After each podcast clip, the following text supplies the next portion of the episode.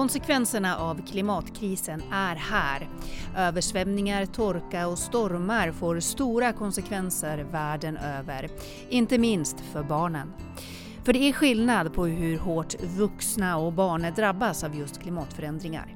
Och med mig idag har jag Martina Hibell som är generalsekreterare på Barnfonden. Välkommen till Klimatekot Martina. Tack så jättemycket.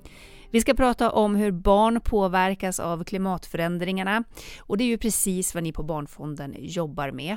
Men först ska du bara kort få berätta om Barnfonden. Vad är det ni gör och vad är det ni vill åstadkomma?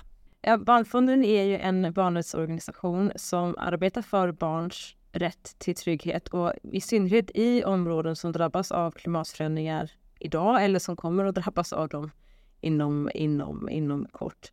Eh, och det vi vill är ju att säkerställa barns rättigheter just även i en värld som förändras och, och att vi som barnrättsorganisation har valt att ta ett stort fokus på detta är ju att vi ser att det är ett av de allra största hoten mot barns rättigheter idag.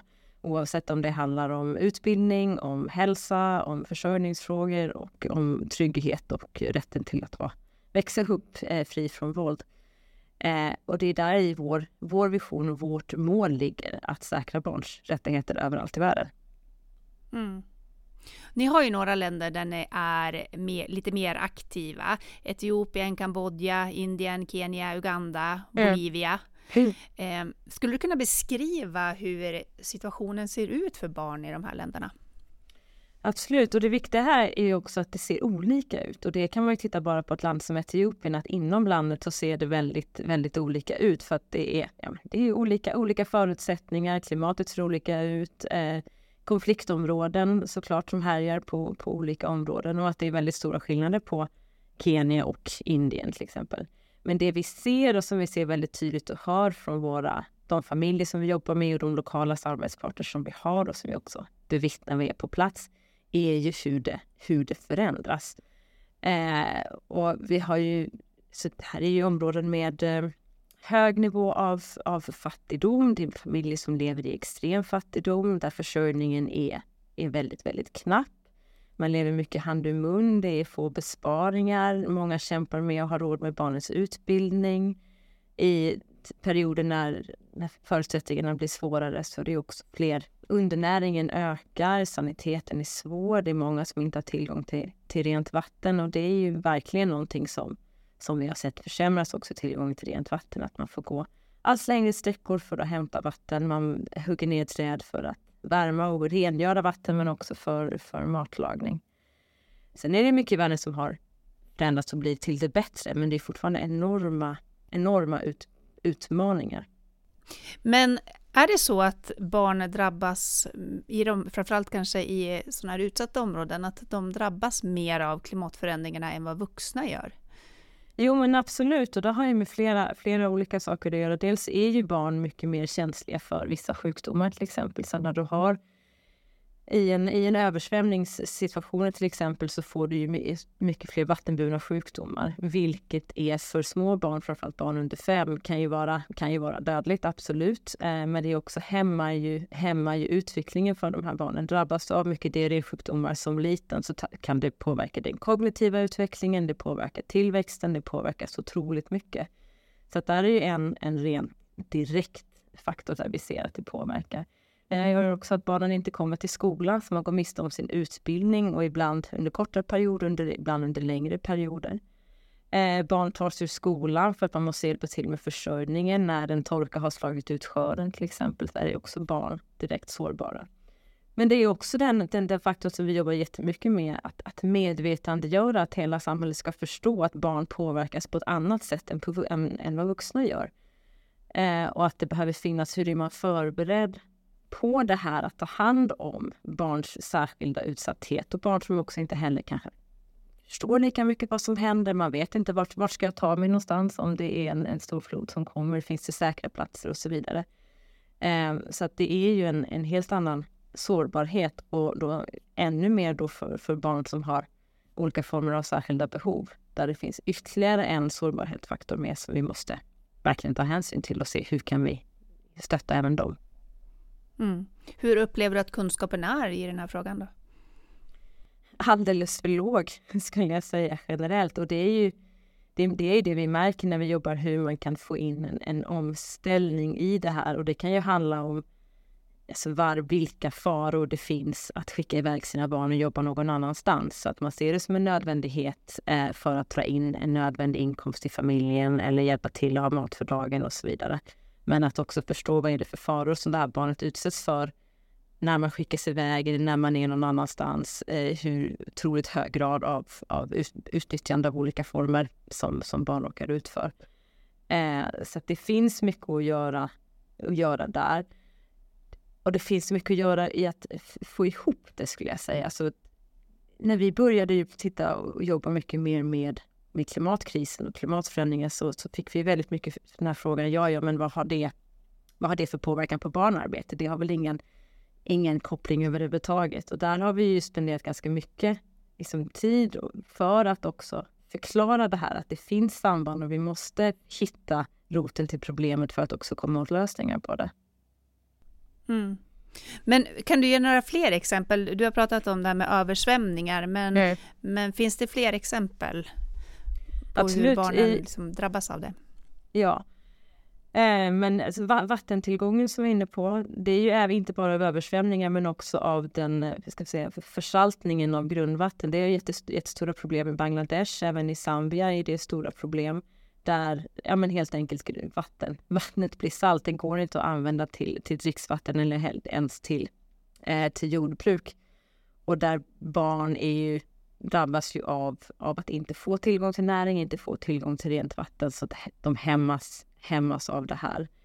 Eh, det vi ser också i när det är stora kan säga, naturkatastrofer så är det också barn, barn drabbas på ett annat sätt i, eh, ska man säga, i en vad heter de? Or orkaner eller den typen av stora. Eh, för att du hamnar utan trygghet. Du hamnar utanför skolan, du hamnar bortanför och utanför. Du har andra förutsättningar att klara dig och hur det påverkar också barns psykosociala hälsa i detta, den här otryggheten och osäkerheten. Och det är ju en, en jätteviktig del att inte glömma när man jobbar med, med barn med människor i utsatthet. Att att en sak är mat för dagen och tak över huvudet, men hur påverkas det, det, det psykosociala utvecklingen, hur det också påverkar hela barnets bevarande och hela barnet där man är och hur man mår och hur man också utvecklas.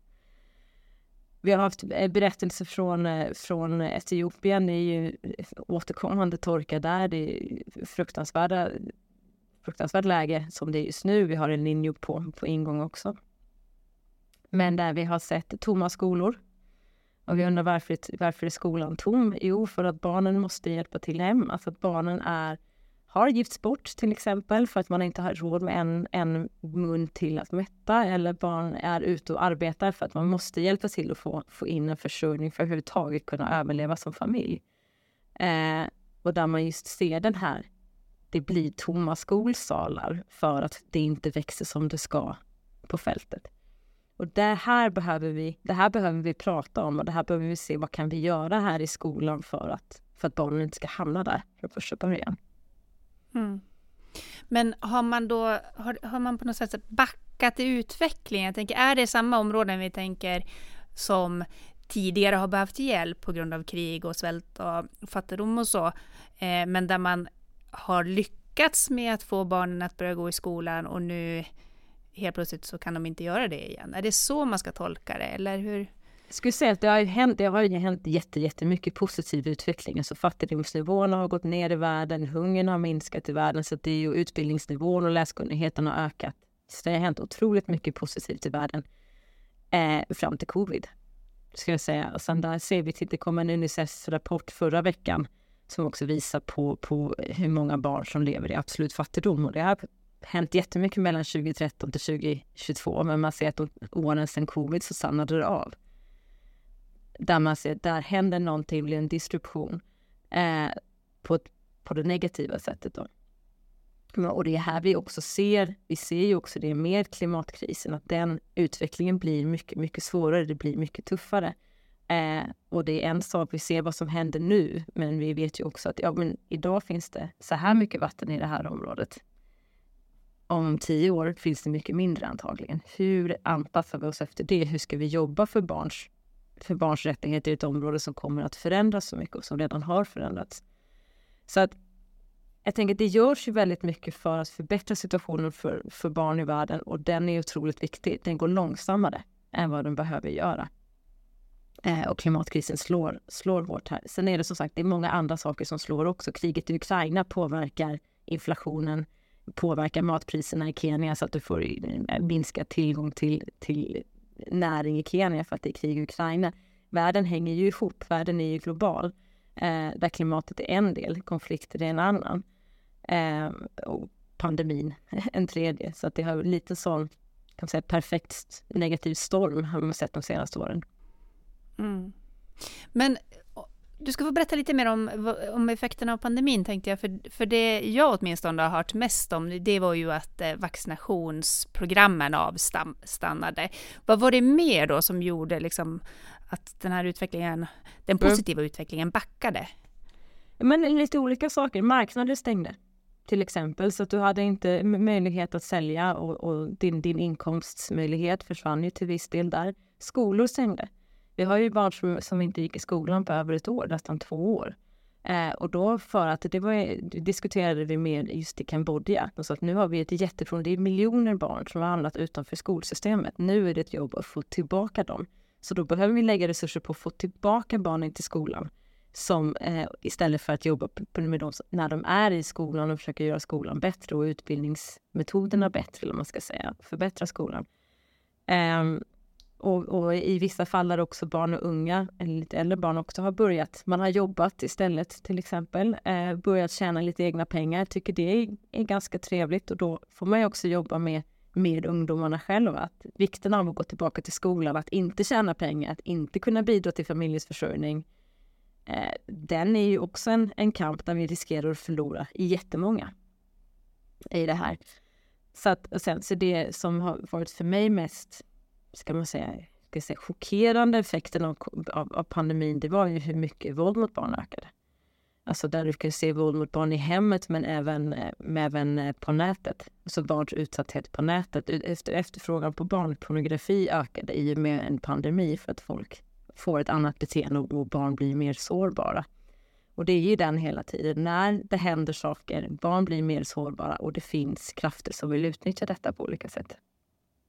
Du har ju jobbat, vad jag förstår, med barnfokuserat utvecklingsarbete internationellt i 15 år eller något sånt? Ja, något sånt. Eh, ja, någonting sånt. Eh, om du tittar under de här 15 åren, vad har du sett för utveckling? Jag ska säga att jag sett mycket mer fokus på barns kan man säga, egenmakt eller, eller deltagande och barn som, som aktörer och vara med. Det tycker jag att man ser mer nu än vad jag såg för, för 15 år sedan. Det har funnits mer, men nu är det, det är ett större fokus. Eh, och att vi, vi jobbar väl också ännu mer med det nu än vad vi har gjort, gjort tidigare.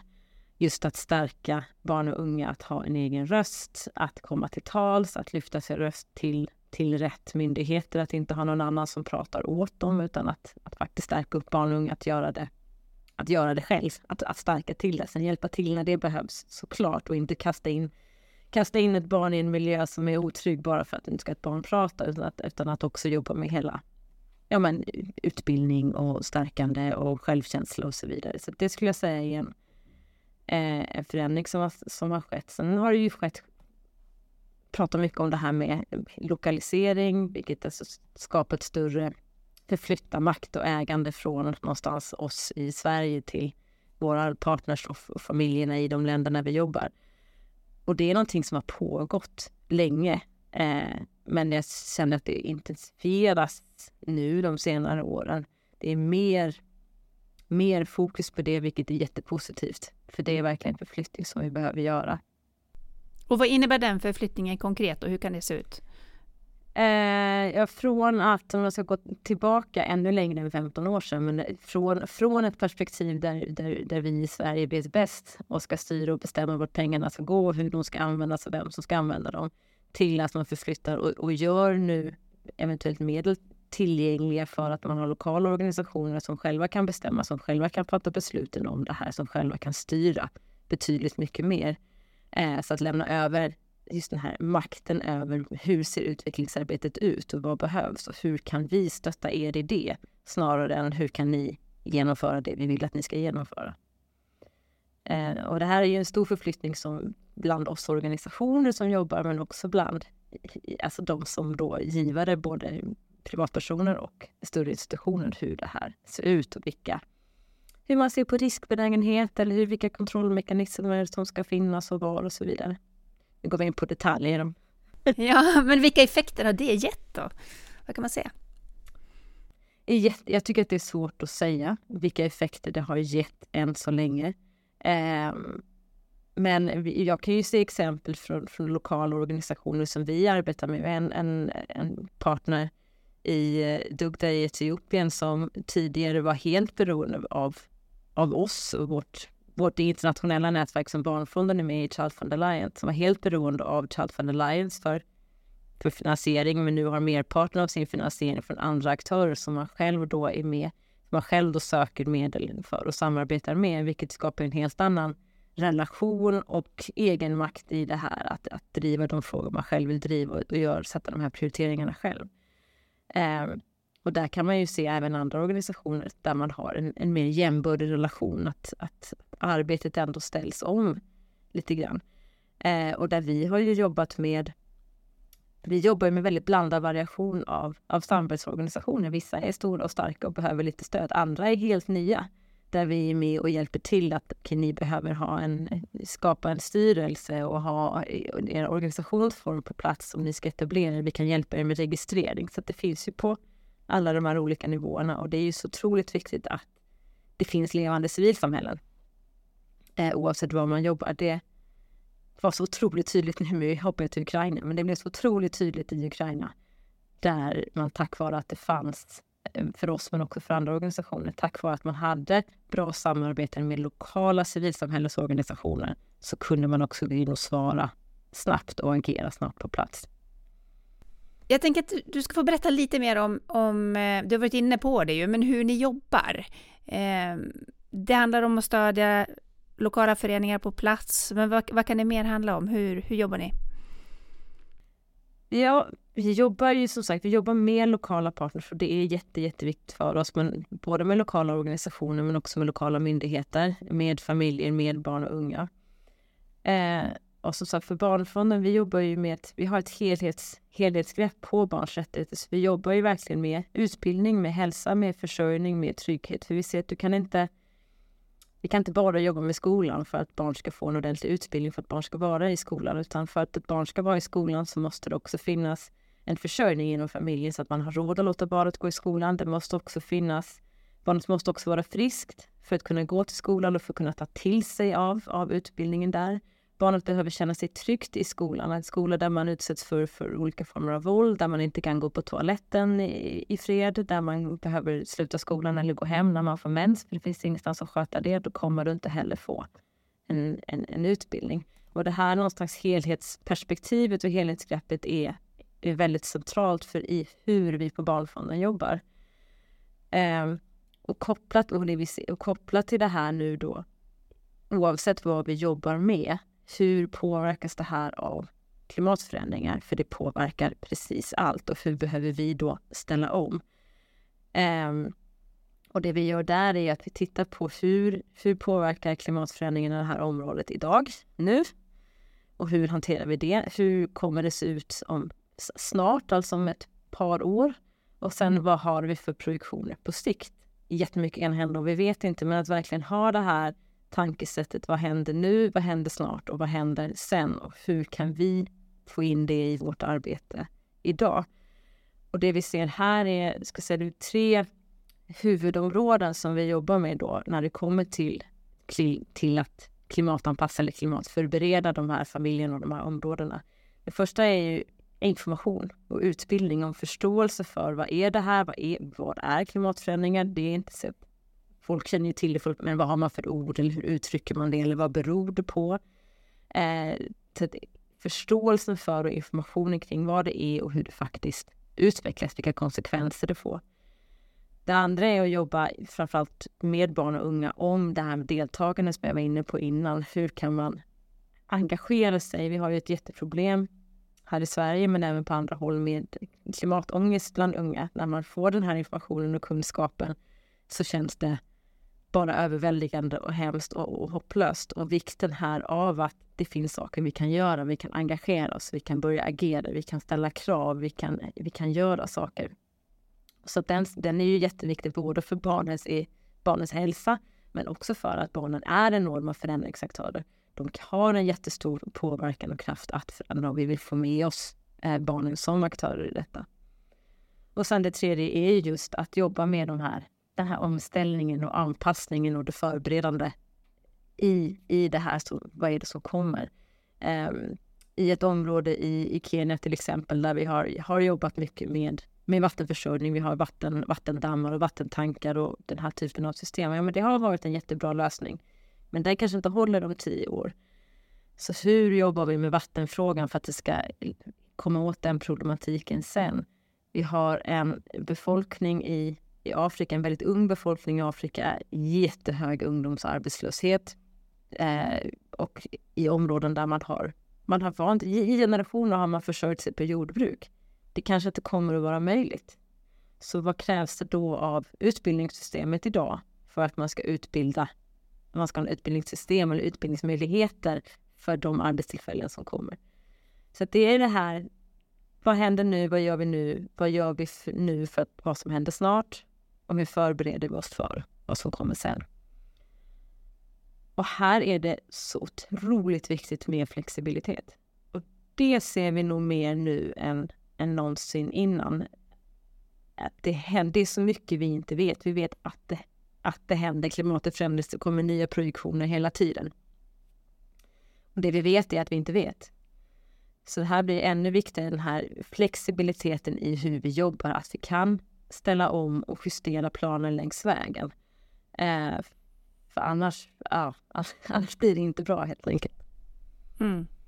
Men är det även då i det arbetet att ni liksom främst jobbar med lokala aktörer eller jobbar ni med internationella företag för att hitta lösningar eller forskare eller hur ser det arbetet ut? Ja, men vi, vi jobbar som sagt, vi jobbar med lokala organisationer och lokala myndigheter och våra, i vårt stora globala nätverk så jobbar vi också uppe på FN, alltså FN dialogen och vi har ett eh, på plats i, i Bryssel också. Vi jobbar med, med eh, eh, så, vad heter det? Alltså med på regeringsnivå ute i de länderna där vi verkar också. Men det där är ju en sak som vi på Barnfonden tycker det, vi tycker att det är jätte, jätteviktigt. Det är just det här att vi gör så mycket, vi kan göra så mycket mer och så mycket bättre om vi gör det tillsammans med andra som tillför någonting annat till bordet. Att vi har det som vi är duktiga på. Vi är inte duktiga på allt eller vi är framförallt inte bäst på allt. Så vilka kan vi då samarbeta, samarbeta med? Jag hade, precis innan hade jag ett möte med ett jättespännande svenskt, svenskt företag om hur man kan hitta bättre och smartare eh, matlagningsmöjligheter till exempel. Eh, så att och vi har också samma samverkan med Lunds universitet. Hur kan vi jobba med kunskapsutbyte? Kan man koppla på forskning på det här? Vad kan ni göra? Kan, kan det göras studier? Vi har, vi har data, vi har problematik som vi kan lyfta. Så att här tror vi verkligen på... Vi tror att det finns enorma möjligheter för oss att gemensamt göra mer än vad vi gör idag. Men vi måste hitta, hitta formerna för det. Och det kräver, det kräver lite jobb. Eh, jättespännande jobb, men eh, vi håller på med det. Ni pratar ju också om så hjälp till självhjälp. Mm. Vad menar ni med det då? Men det är ju just det här att, att eh, det handlar inte om, och det handlar också om hur man ser på hela fattigdomsperspektivet eller utsatthetsperspektivet eller utvecklingsarbete. Att, att eh, jag, det handlar inte om att vi ska hjälpa någon och få det att hjälpa någon. Vi ska stötta någon att göra det bättre för sig själv. Eh, och det handlar ju om att man själv ofta vet bäst vad man behöver, man vet bäst vad man har för förutsättningar, man vet bättre vad som kommer att fungera. Så det handlar ju om dels att låta de som vi arbetar med formulera vad är det? Så vad är det som skulle göra skillnad här? Vad är det som gör skillnad för dig? Eh, och hur kan jag stötta dig i det? Eh, och rent, rent praktiskt så handlar ju det jättemycket om hur kan vi möjliggöra ett, ett mer effektivt jordbruk? Eh, hur kan vi hjälpa till att sätta upp organisera spargrupper, sådana här spar och långrupper på, på bynivå egentligen. För att ni, familjerna själva skapar sig en, en mer hållbar en hållbar ekonomi eller en framåtblickande ekonomi. Man har lite backuper och så vidare. Eh, så att där är ju väldigt mycket den ja, men egenmakten hos, hos de familjerna och hos de barn och unga. Att, att stötta den mer än att mm. Tänker det går tillbaka till den här, vi ska inte ge någon fisk utan med, med ett spö. Så man kan väl använda den, den jämförelsen för det finns otroligt mycket. Det finns otroligt mycket kompetens och kraft eh, så det är, och det är, den som, det är den som gör det. Mm. Så hur kan vi hjälpa den? Mm. Vad skulle du säga att det finns för fallgropar då när man kommer som en internationell organisation och ska hjälpa till någonstans? Så jag skulle säga det är absolut en fallgrop att, att tro att man själv har alla svaren. Det är en fallgrop och det är eh, den här, man, må, man måste ju vara medveten om den här maktobalansen som ändå finns där. För kommer jag med pengar så finns det en maktobalans. Eh, och den, den är där. Eh, och vi, vi, kan, vi kan alltid bedyra och betona vikten av att vi måste ha en öppen dialog. Eh, men där behöver man som, som kan säga som en finansiär då, eller kalla oss för det i vissa fall, vara otroligt försiktig. um, så det är absolut en fallgrop. Som jag skulle också säga som internationell aktör är ju, det har vi sett fantastiska, vi har sett fantastiska insamlingsinitiativ här hemma för att man vill göra skillnad. Eh, vi såg det också under Ukraina, man vill, man vill så mycket och man har så mycket hjärta och man samlar in och man kör ner en lastbil men så har man inte kontakterna på plats. Eh, man har inte logistiken som krävs, man har inte så att det, det dumpas lastbilar eh, vid, vid polska gränsen istället.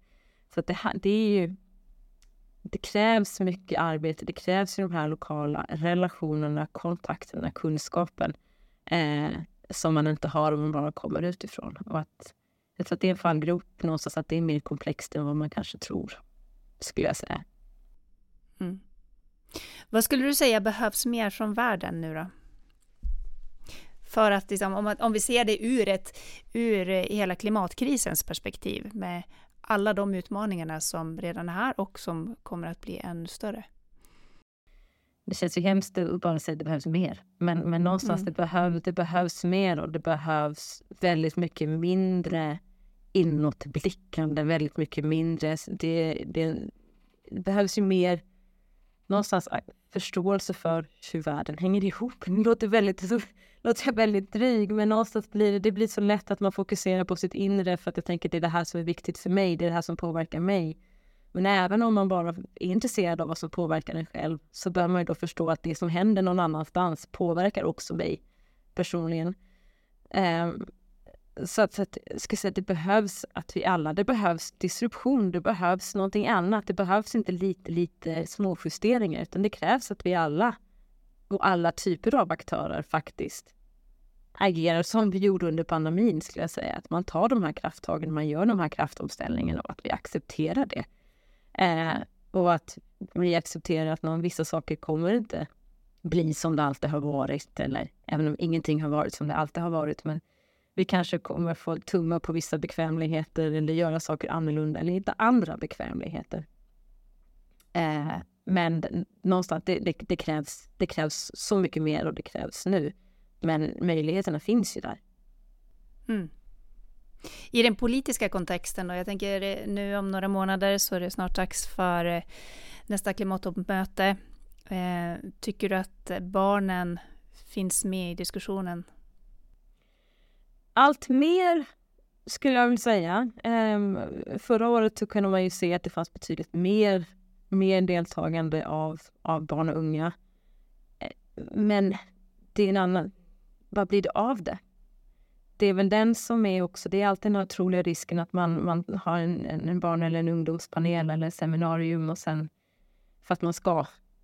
Men vad, vad gör man av det? Hur tar man vara på det engagemang och hur mycket lyssnar man faktiskt på det som, på det som sägs? Och eh, tittar vi på, på de här toppmötena på koppen så är det också barnen, man ska jämföra hur många barn och unga och hur många oljemagnater som är med, så är det en ganska talande jämförelse tycker jag. Vad tror du då avslutningsvis, hur ser framtiden ut för de här barnen? Inte så ljus som jag skulle vilja. Och det är väl det som är... Eh, det är tufft. Det är tufft och det kommer bli tuffare. Så ser det ut. Eh, och sen så tror jag att vi kan absolut, det finns mycket vi kan göra. Men det kommer bli tuffare. Vi kommer ha fler som tvingas fly sina hem som inte kan bo kvar. Det kommer bli mer konflikter. Det kommer vara ökad brist på vatten och, eh, och näring och mat helt enkelt. Det kommer, det kommer att bli riktigt, riktigt tufft. Och det är därför också det krävs så mycket mer av oss som inte har det lika tufft. Att vi faktiskt gör mer, lyfter det mer, belyser det mer. Eh, och någonstans... För det är klart att det finns saker att göra, men det kommer vara tufft.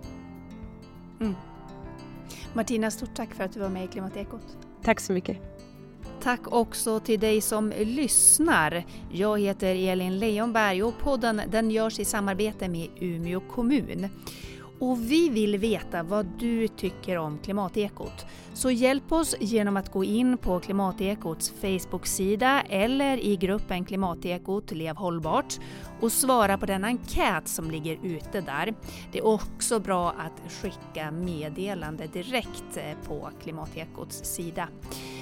Det går fort och eh, det hjälper oss enormt mycket för att fortsätta göra podden relevant och intressant för dig som lyssnar. Och såklart, om du är ett fan, hjälp oss gärna att sprida ordet om klimatekot. Tack för att du har lyssnat och ha det så gott!